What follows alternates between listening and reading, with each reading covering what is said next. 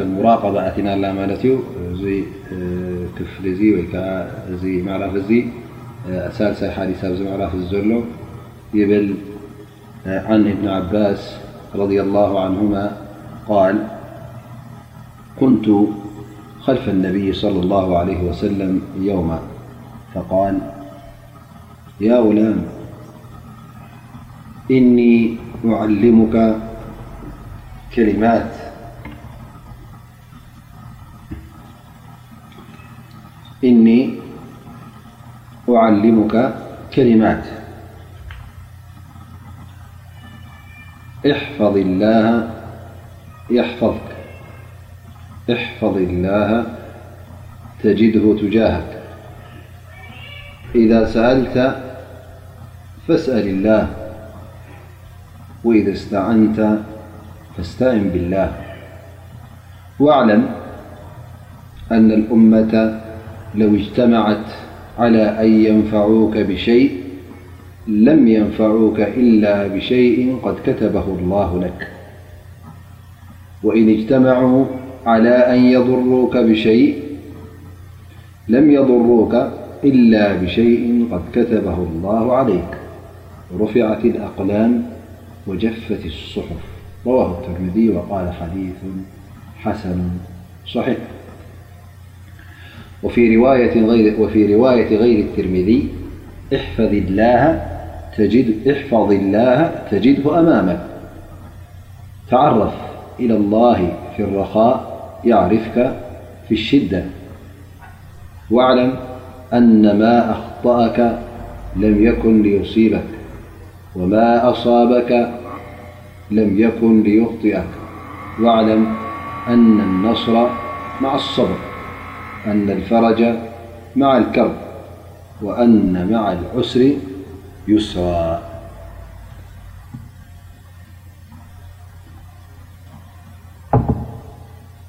እዚ ዩ እቲ ሓዲት ማለት ዩ።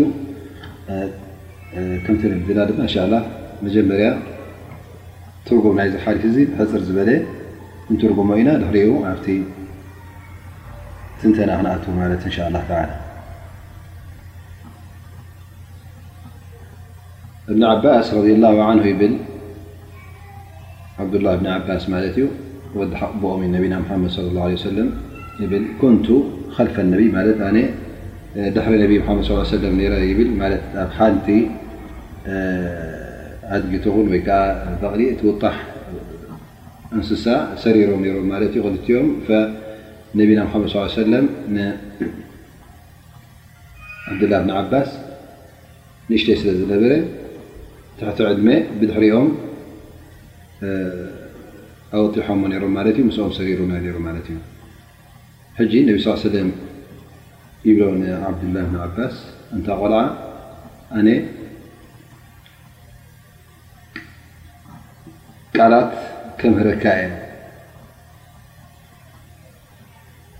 ንኣላህ ስብሓን ወተዓላ ሓልዎ ክሕልወካ ንኣ ስብሓን ወተዓላ ሓልዎ ኣብ ቅድሜኻ ምእንቲ ክትረኽቦ እንተ ደኣ ክትጠልብ ኮይንካ ካብ ኣላ ስብሓን ወተዓላ ጥራይ ጥለብ ካብ ኣላ ስብሓን ወተዓላ ጥራይ ሕተት ሓገዝ እንተ ትድሊ ኮይንካ ድማ ካብ ኣላ ስብሓን ወተዓላ ሕተቶ ነዚ ሓገዝ እዚ ትፈልጥ ኣለካ ውን ኩሉ ሰብ ተኣኪቡ እተ ክጠቕመካ ደልዩ ካብቲ ኣላህ ስብሓነሁ ወተዓላ ዝኸተቦ ካብኡ ንላዕሊ ክጠቕሙኻ ኣይክእሉን እዮም። እንተ ክጠቕሙኻ ኮይኖም እቲ ኣላህ ስብሓነሁ ወተዓላ ዝኸተበልካ ጥራይ እዩ ክኸውን። እንተ ደኣ ኩሎም እውን ተኣኪቦም ክጎድኡኻ ደልዮም፣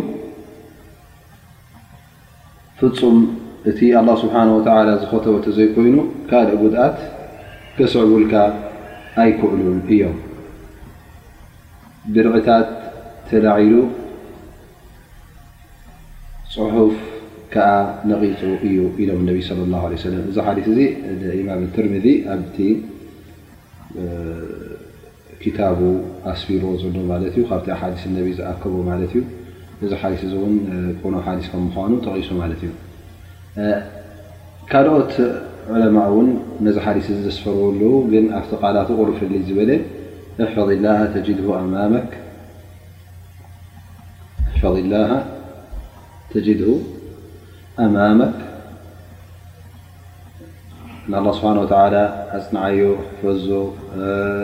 ሓልዎ ኣብ ቅድሜኻ ክትረኽቦ ኣብ ግዜ ራህዋኻ ንኣላ ስብሓን ወተላ ፍለጦ ንሱ ከዓ ኣብ ግዜ ሽግርካ ኣብ ግዜ ፅበትካ ክፈልጠካ ፍለጥ እውን ንዓኻ ዘይተባህለ ኣይትንክፈካን እዩ። እንተ ንዓኻ ዝጎድእ ኮይኑ ድማ ንዓኻ ገዲፉ ናብ ካልእ ኣይሓልፍን እዩ። ስለዚ ክትፈልጥ ኣለካ ኩሉ ግዜ ተዓወት ምስ ትዕግስቲ እዩ ዝመፅእ እቲ ፈረጃ ውን ምስ ፅበት እዩ ዝመፅእ ከምኡ ውን መዓል ዑስር ዩስር ምስ ጸበባ እውን ራህዋ ይመጽእ እዩ ኢሎም ነቢ ሰለላሁ ዓለይሂ ወሰለም። እዚ ብሕጽር ዝበለ ትንተና ናይ እዚ ሓዲስ እዚ ወይ ከኣ ትርጉም ሕጽር ዝበለ ክኸውን ከሎ እንሻላህ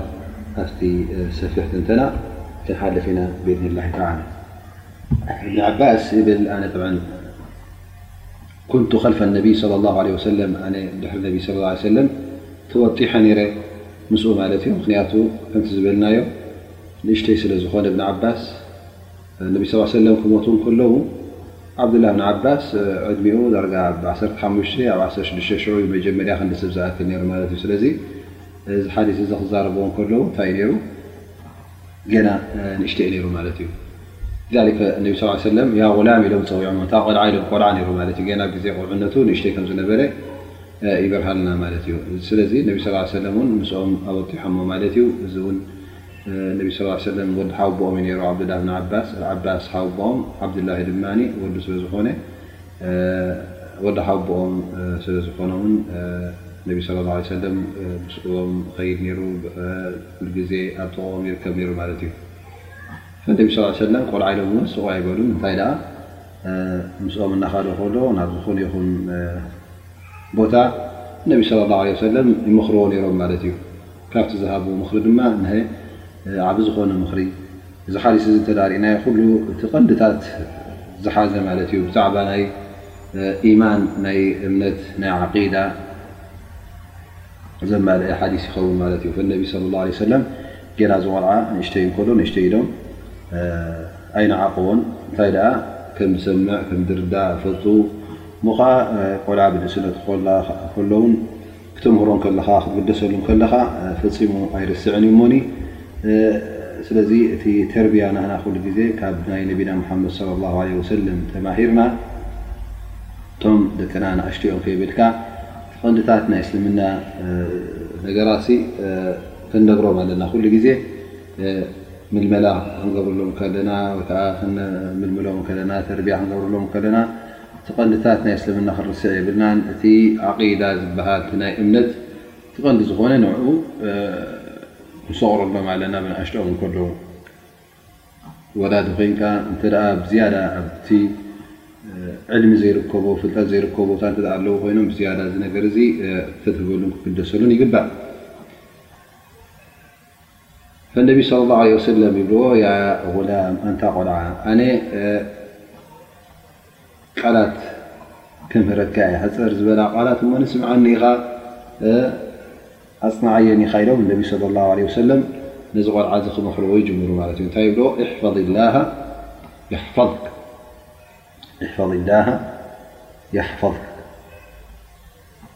ንኣላህ ንጐይታኻ ኣጽንዓዮ ወይ ከኣ ሓልዎ ንሱ ኸኣ ክሕልወካ ኢሎም ማለት እዩ። ከመይ ማለት እዩ ንኣላህ ስብሓን ወተዓላ ሓልዎ ክበሃል እንከሎ? ሓለዋ ናይ ኣላህ ስብሓን ወተዓላ ማለት ጉድኣት ከይመጽኦ ወይ ከኣ ሓገዝ ካባኻ ደልዩ ማለት ኣይኮነን ኣላህ ስብሓን ወተዓላ እነማ ይብሉ ኢሕፈዚላሃ ማዕና ኣን ታሕፈዛ ሸርዒላህ ነቲ ትእዛዛት ኣላህ ስብሓነሁ ወተዓላ ነቲ ዲኑ ነቲ ዘውረዶ ሸርዒ ንዕኡ ከተፅንዕ ንዕኡ ክትሕሉ ካብኡ ከይትወፅእ እዚ እዩ እቲ ኢሕፈዚላህ ዝበሃል ዘሎ ማለት እዩ ነቲ ኣላህ ስብሓነሁ ወተዓላ ዝኸልከለካ እውን ካብኡ ክትክልከል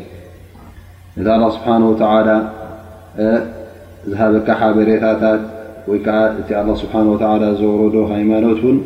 ነዚ ዲን እዚ ክትዕለም ክትፈልጥ እቲ ዕባዳ ናትካ ኣምልኾት ናትካ ከምቲ ኣላህ ስብሓን ወተዓላ ዝኣዘዞ ክኸውን ንጎይታ ጥራይ ከተምልኽ ንኡ ክትመእዘዝ ኩሉ ርክባትካ እውን ምስ ፍጡራት ዘለዉን መገዲ ኣላ ስብሓን ወተዓላ ዝሓዘ ክኸውን ካብቲ ኣላ ስብሓን ወተዓላ ዝወሰነልካ መገዲ ዘይምውፃእ ስለዚ መገዲ ኣላ ስብሓን ወተዓላ ተኸቲልካ ክትከይድ ከለኻ እዚ እቲ ምፅናዕ ማለት እዩ ናብቲ ኣላ ስብሓን ወተዓላ እውን ዝፈትዎ ንደቂ ሰብ ዳዕዋ እናገበርካ ክትፅውዖም ናብኡ ክትሕብሮም እዚ ኩሉ እንታይ ዝቁጸር ማለት እዩ ካብቲ ሕፍዝ ላህ ንኣላህ ስብሓን ወተዓላ ሕጂ ተጽንዖ ወይ ከኣ ትሕልዎ ኣለኻ ማለት እዩ እቲ ናቱ ትእዛዛት ክትሕሉ ከለኻ ማለት እሱ እቲ ናይ ኣላህ ስብሓን ወተዓላ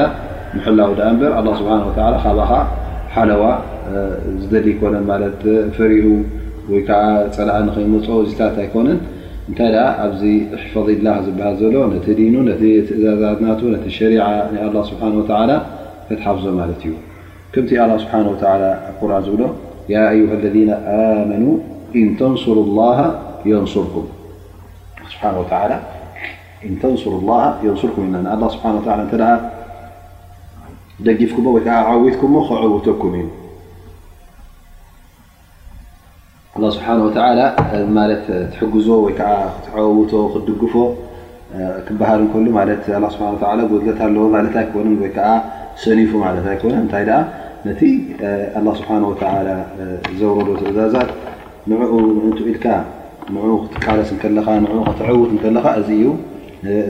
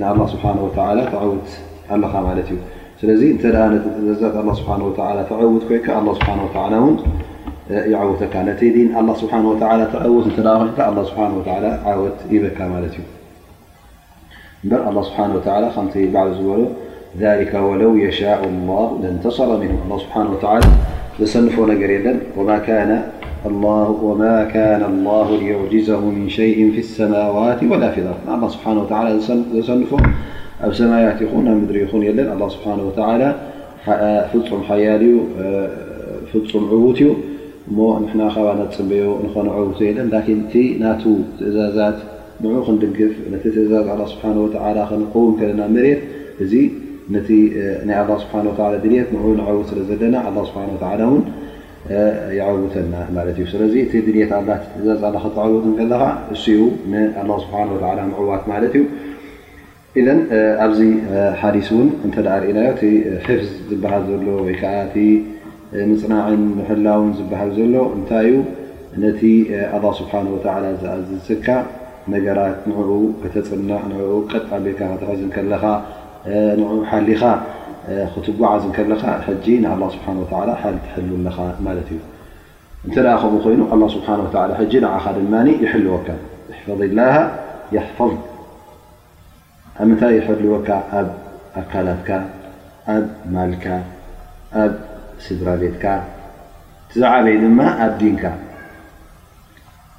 ካብ ጥፍኣትን ካብ መገዲ ምግዳፍን ኣላህ ስብሓን ወተዓላ ይሕልወካ ማለት እዩ يعن الإنسان نت الله سبحانه وتعالى مجد خير حسك تيد ين الله سبحانه وتعلى زيدة ن مجد خر بو ل حزك كما قال الله سبحانه وتعالى بععذ بالله من الشيطان الرجي والذين اهتدوا زادهم د وتاهم تقواهم الله سبحانه وتعالى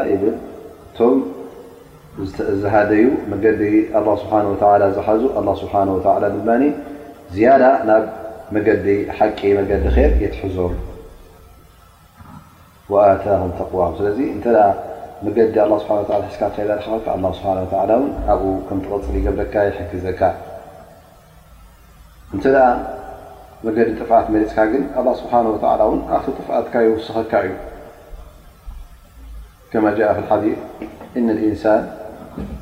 إذا أذنب ذنبا صار في قلبه نقطة سوداء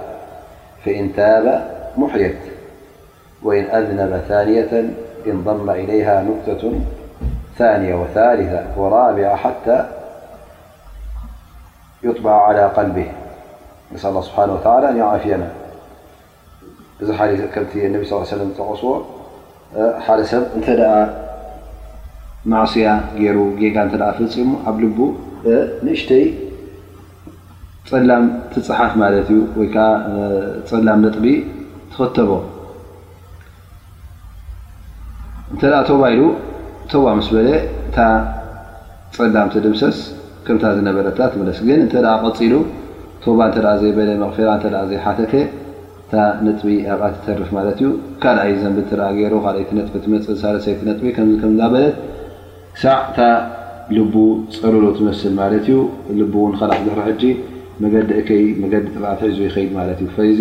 ካብ ምንታይ ወጺኡ ማለት እዩ ካብቲ ሓለዋ ናይ ኣላ ስብሓን ወተዓላ ዝረሓቐ ማለት እዩ።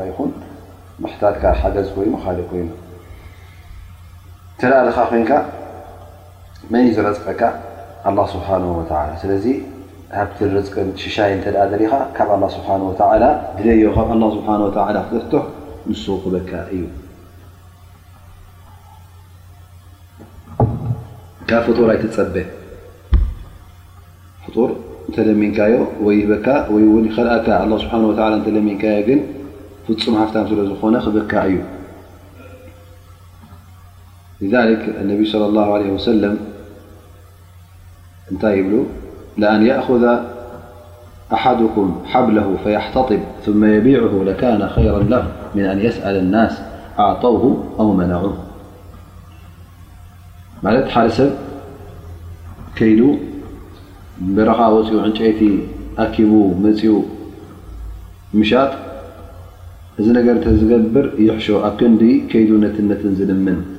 ሰባት ምናልባሽ ይህቡኻ ምናልባሽ ውን ይኸልኡኻ እዚ ግን ርዝቂ ኣላህ ስብሓን ወተዓላ ክትደሊ ትዝበለፀ እዩ ይብሉ ማለት እዩ ካብ ኣላህ ስብሓን ወተዓላ ትደልዮ ተንቀሳቒስካ ትሸይጥ ትሽቅጥ ተምፅእ ርዝቅኻ በረኻ ተኾይኑ ኣብ ሸጣ ኣብ ሸቐጥ ተኾይኑ ኣብ ዝኾነ ይኹንሲ ካብ ኣላህ ስብሓን ወተዓላ ጠሊብካ ተንቀሳቒስካ ትረኽቦ ማለት እዩ ስለዚ ሓገዝ እንተ ደሊኻ ኣላ ስብሓን ወተላ እቲ ፍፁም ሓጋዚ ኣላ ስብሓን ወተላ ፍፁም ወሃቢ ንሱ ስለ ዝኾነ ውን ካብኡ ሕተት ኢኻ ስለዚ ካብ ሰብ እንተ ክትደሊ ኮንካ ከምቲ ብቋንቋ ትግርኛ ዝብልዎ ካብ ሰብ ዝደሊ ከም ክዳን ይበሊ ከም ዝበሃል ኣክንዲ ስቕ ኢልካ ትበሊ እቲ ጎይታኻ ዝኸለቐካ ካብኡ ትጠልብ ኣላህ ስብሓነሁ ወተዓላ እውን እንተ ጠሊብካዮ እንተ ሓቲትካዮ ብንፁህ ልቢ ኣላህ ስብሓነሁ ወተዓላ ክህበካ እዩ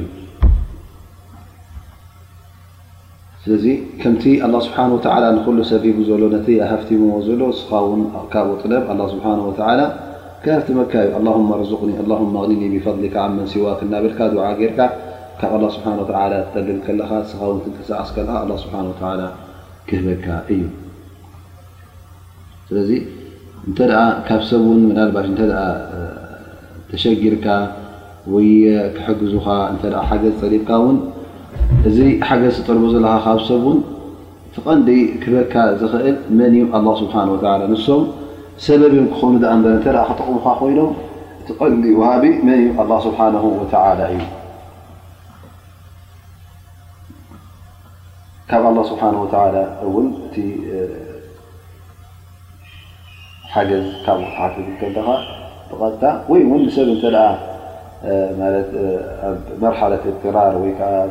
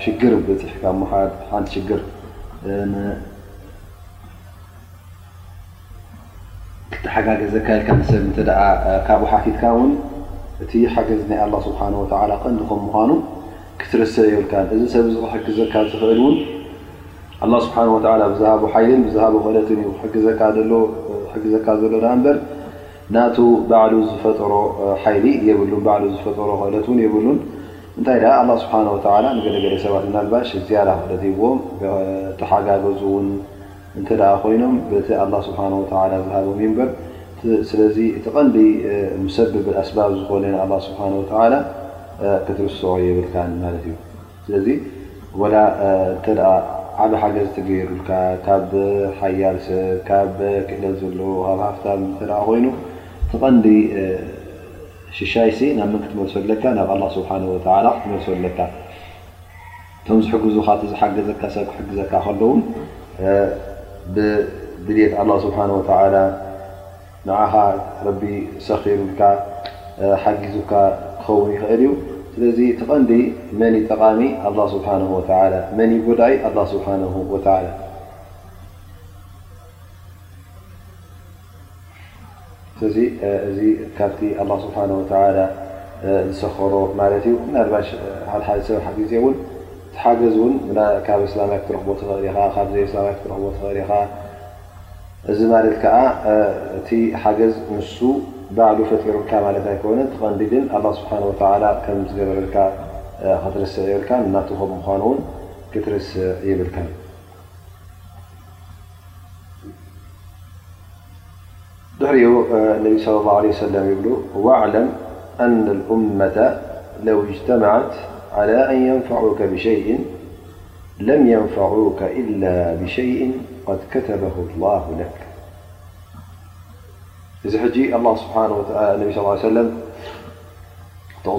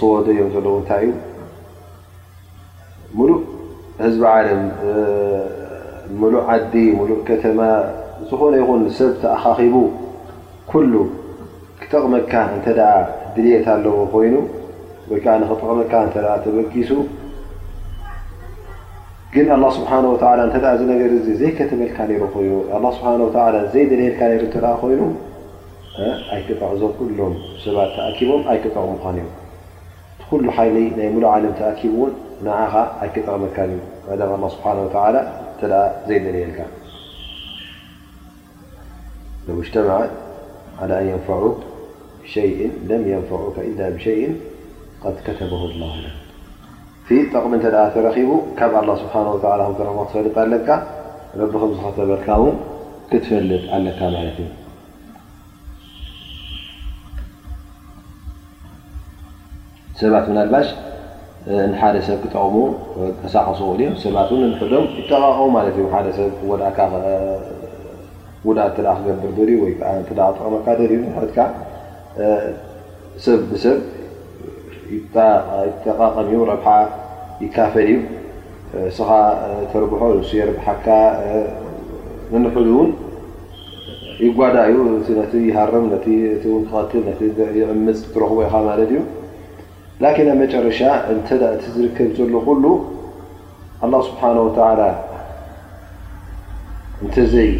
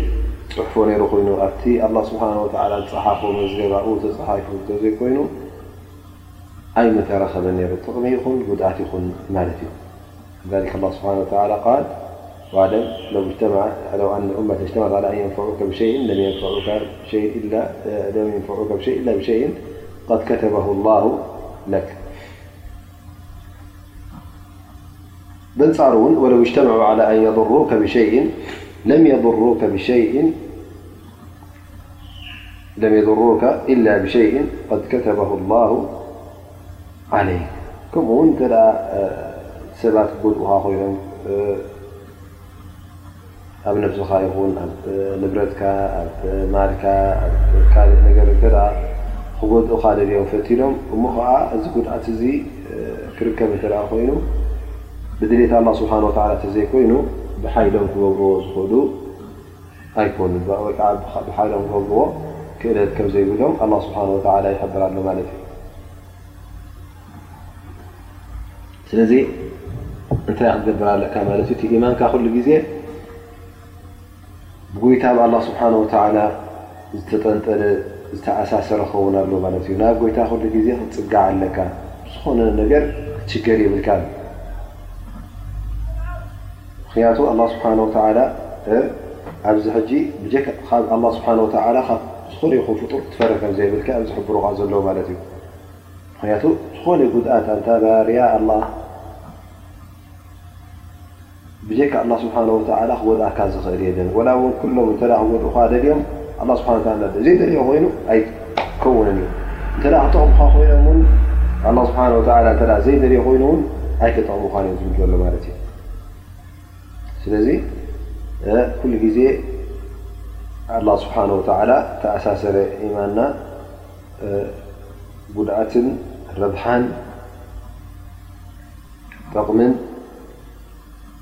ኩሉ ግዜ ናይ ኣላ ከም ምኑ ካብ ኣላ ስብሓ ወላ ክንደልዮ ከም ዘለና ማለት እዩ ናብ ኮይታ ጥራይ ክንልምን ኣለና ጥርዓና ኩሉ ግዜ ናብኡ ክኸውን ኣለዎ ምስ ኣላ ስብሓ ጥራይ ክንተኣሳሰር ኣለና ናይ ፍጡርሲ ከገድሰና ወይ ከዓ ከሸግረና የብሉን ምክንያቱ ኩሉ ፍጡር ኣብ ትሕቲ መን እዩ ኣብ ትሕቲ ኣላ ስብሓ ወላ ኣላ ስብሓ ወላ ዘይደልዮ እውን ኣይክኸውንን እዩ ስለዚ እንተ እቶም ዝሓለፉ እማ ናና እንተ ርእና ኩሉ ግዜ ናብ ጎይታ እዮም ዝውከሉ ነሮም ናብ ዝፅግዑ ነሮም እዚ ስለ ዝኾነ እውን ናቶም ኣካይዳ ፍፁም ጉድኣት ከይወረዶም ኩሉ ግዜ ኣላ ስብሓን ወተላ ካብ ዓወት ናብ ዓወት የሳገሮም ነሩ የቁል ስብሓን ወተላ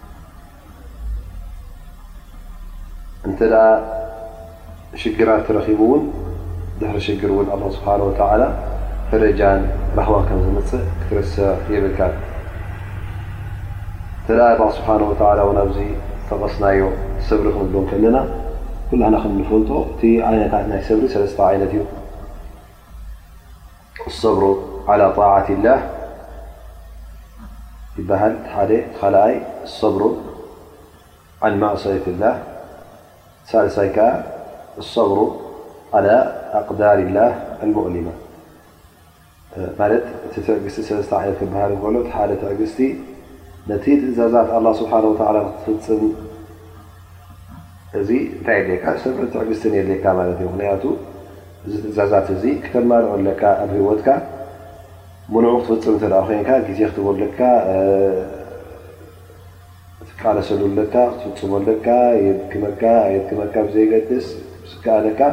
ክትፍጽሞ ኣለካ ነዚ ክትፍጽም እንተ ኮንካ መዓልታዊ ኣለካ ኣብ መዓልቲ ክንደይ ሻዕ ዝግበር ያኒ እንተ ሶላት ኮይኑ መዓልቲ ሓሙሽተ ሻዕ ዓመታዊ ወርሓዊ ብዙሕ ነገራት ኣላ ስብሓን ወተዓላ ካብ ባሪኡ ካብ ወዲ ሰብ ዝጠለቦ ኣሎ ነዚ ነገር እዚ ክትፍጽም ሕጂ እንታይ የድልየካ ማለት ትዕግስቲ የድልየካ ማለት እዩ። ካልኣይ ዓይነት ከኣ ትዕግስቲ ኣብ ማዕስየት እላ ኣላ ስብሓን ወተዓላ ውን ካብ ብዙሕ ማዕስያታት ከልኪሉካ እዩ ምናልባሽ እዚ ማዕስያታት እዚ እታ ነብሲ ትደልዮ ትኸውን ዊን ንብለካ ኸውን ግን እዚ ዊንታ እዚ ብምንታይ ተዓግቶ ብምንታይ ትሕልዎ ማለት እዩ ብትዕግስቲ ትዕግስቲ እንተደኣ ጌርካ እዚ ሕጂ ኣሰብሩ ዓን ማዕስየት ላ ይበሃል ሳልሳይ ዓይነት ሰብሪ ድማ እቲ ኣላህ ስብሓን ወተዓላ ዘውረደልካ ንዓታት ኣብ ኢድካ ዘይኮነ ወይ ከዓ እስኻ ደሊኻዮ ኣይኮንካን እንታይ ደኣ ሽግር ወርደካ ሕማም ወርደካ ትፈትዎ ሰብ ይሞተካ ካልእ ዓይነታት መዓታት ኣሎ እዚ ዱንያ እዚ ኩላህና ንፈልጦ ክወርደካ ከሎ እዚ ሕጂ እንታይ የድልየካ ምንታይ ክትሰግሮ ኣለካ ማለት እዩ ሰብሪ ኢኻ ትገብር ማለት እዩ ብሰብሪ ትሰግሮ ማለት እዩ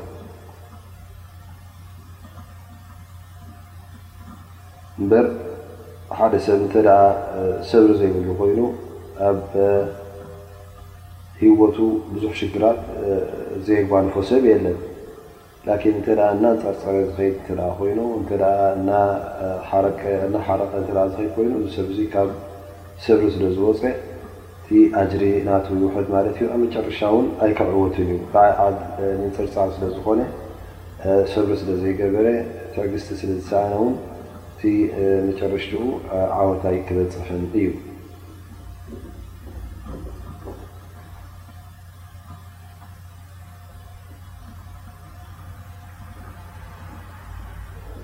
ብዝያዳ እቲ ሰብሪ ኣብ ምንታይ ንሪኦ ማለት እዩ ንኣብነት ኣብ ሜዳ ናይ ጅሃድ ኣብ ናይ ቃልሲ ክኸውን ከሎ ኣብ ናይ ኩናት ክኸውን ከሎ እንተ ሰብሪ ዘይብሉ ኮይኑ ትዕግስቲ ዘይብሉ ኮይኑ ፈፂሙ ክቕፅል ኣይክእልን እዩ፡፡ እንታይ ደኣ ንኣም ቃልስን ምቅታልን ኩናትን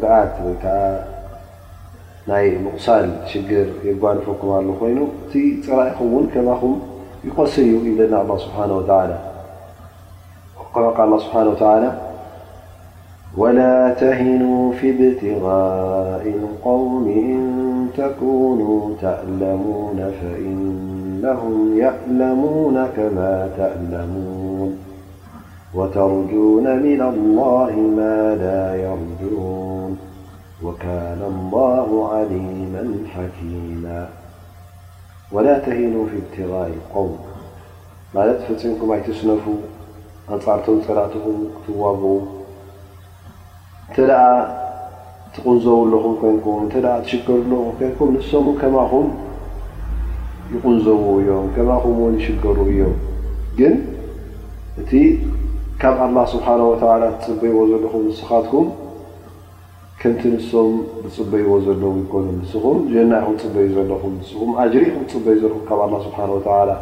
እሶም ግን ካብ ኣላህ ስብሓን ወተዓላ ዝጽበይዎ ኣጅሪ የብሎምን እንታይ ደኣ ብእንጻሩ እዞም ሰባት እዚኦም ሓጥያተኛታት ዘንቢ እዮም ዝፍጽሙ ዘለዉ ገበን እዮም ዝፍጽሙ ዘለዉ ኣላህ ስብሓን ወተዓላ ውን ክቆጽዖም እዩ ወካነ ኣላሁ ዓሊመን ሓኪማ ኣላህ ስብሓን ወተዓላ ውን ፍጹም ፈላጥ ፈሊጣ እዩ ከምኡ ውን ኣላ ስብሓን ወተላ ፍጹም ጥበበኛ እዩ ስለዚ እንተ ወዲ ሰብ ተዓጊሱ ቀጥ ኢሉ ኣብቲ መርገጹ እተ ቀፂሉ ኣላ ስብሓን ወተላ ክዐውቶ እዩ ኣብቲ መጨረሻ ሓሪሱ ንሪኦ ዘለና እንተ ጉዳይ ኩሉ ግዜ ፀቢቡ ኣብ መጨረሻ ፈረጃ ከም ዝርከብ እውን ክንርስዕ የብልና እንተ ሓደ ሰብ እውን ተሸጊሩ ኩሉ ግዜ ናብ ኣላ ስብሓን ወተዓላ ተወጅሁ እውን ኣላ ስብሓን ወተዓላ ይፍርጀሉ እዩ ከማ ቃል ስብሓን ወተዓላ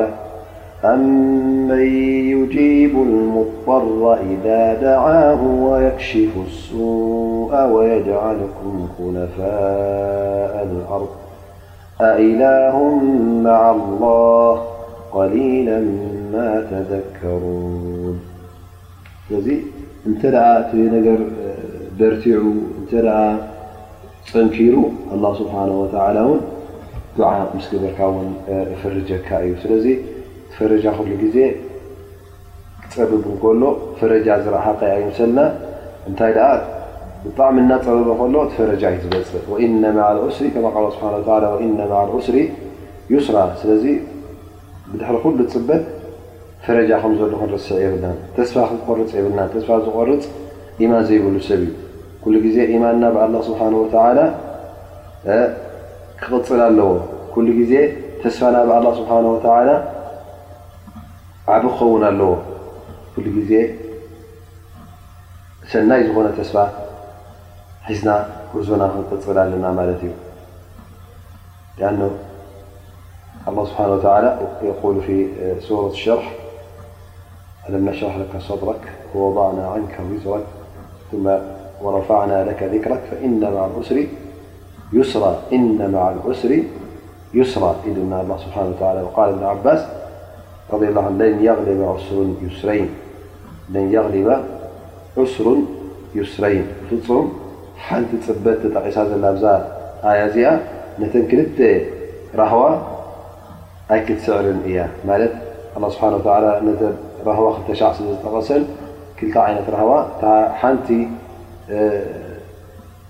ጽበት ንሳ ኣይክትቅድምን ወይ ከኣ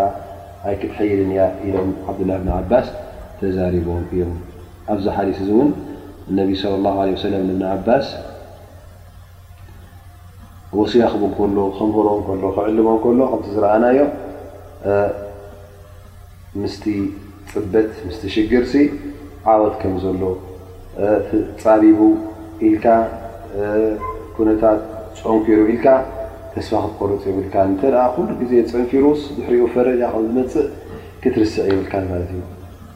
እንታይ ደኣ ጥራይ ካባኸ የድሊ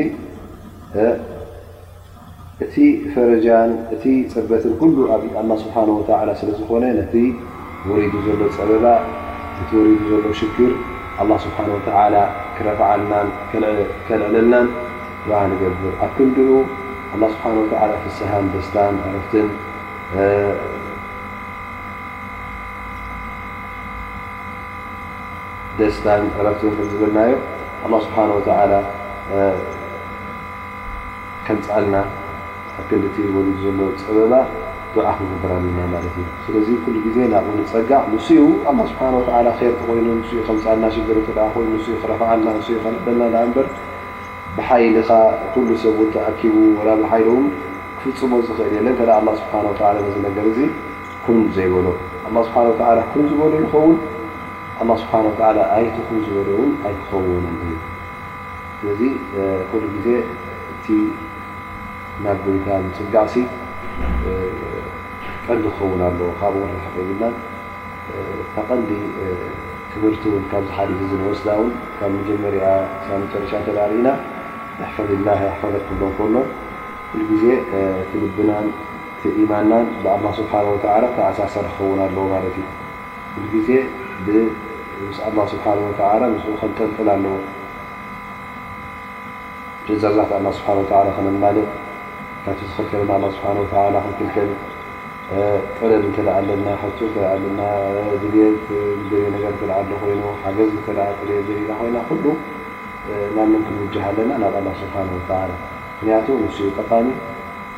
ንሱዩ ጎዳኢ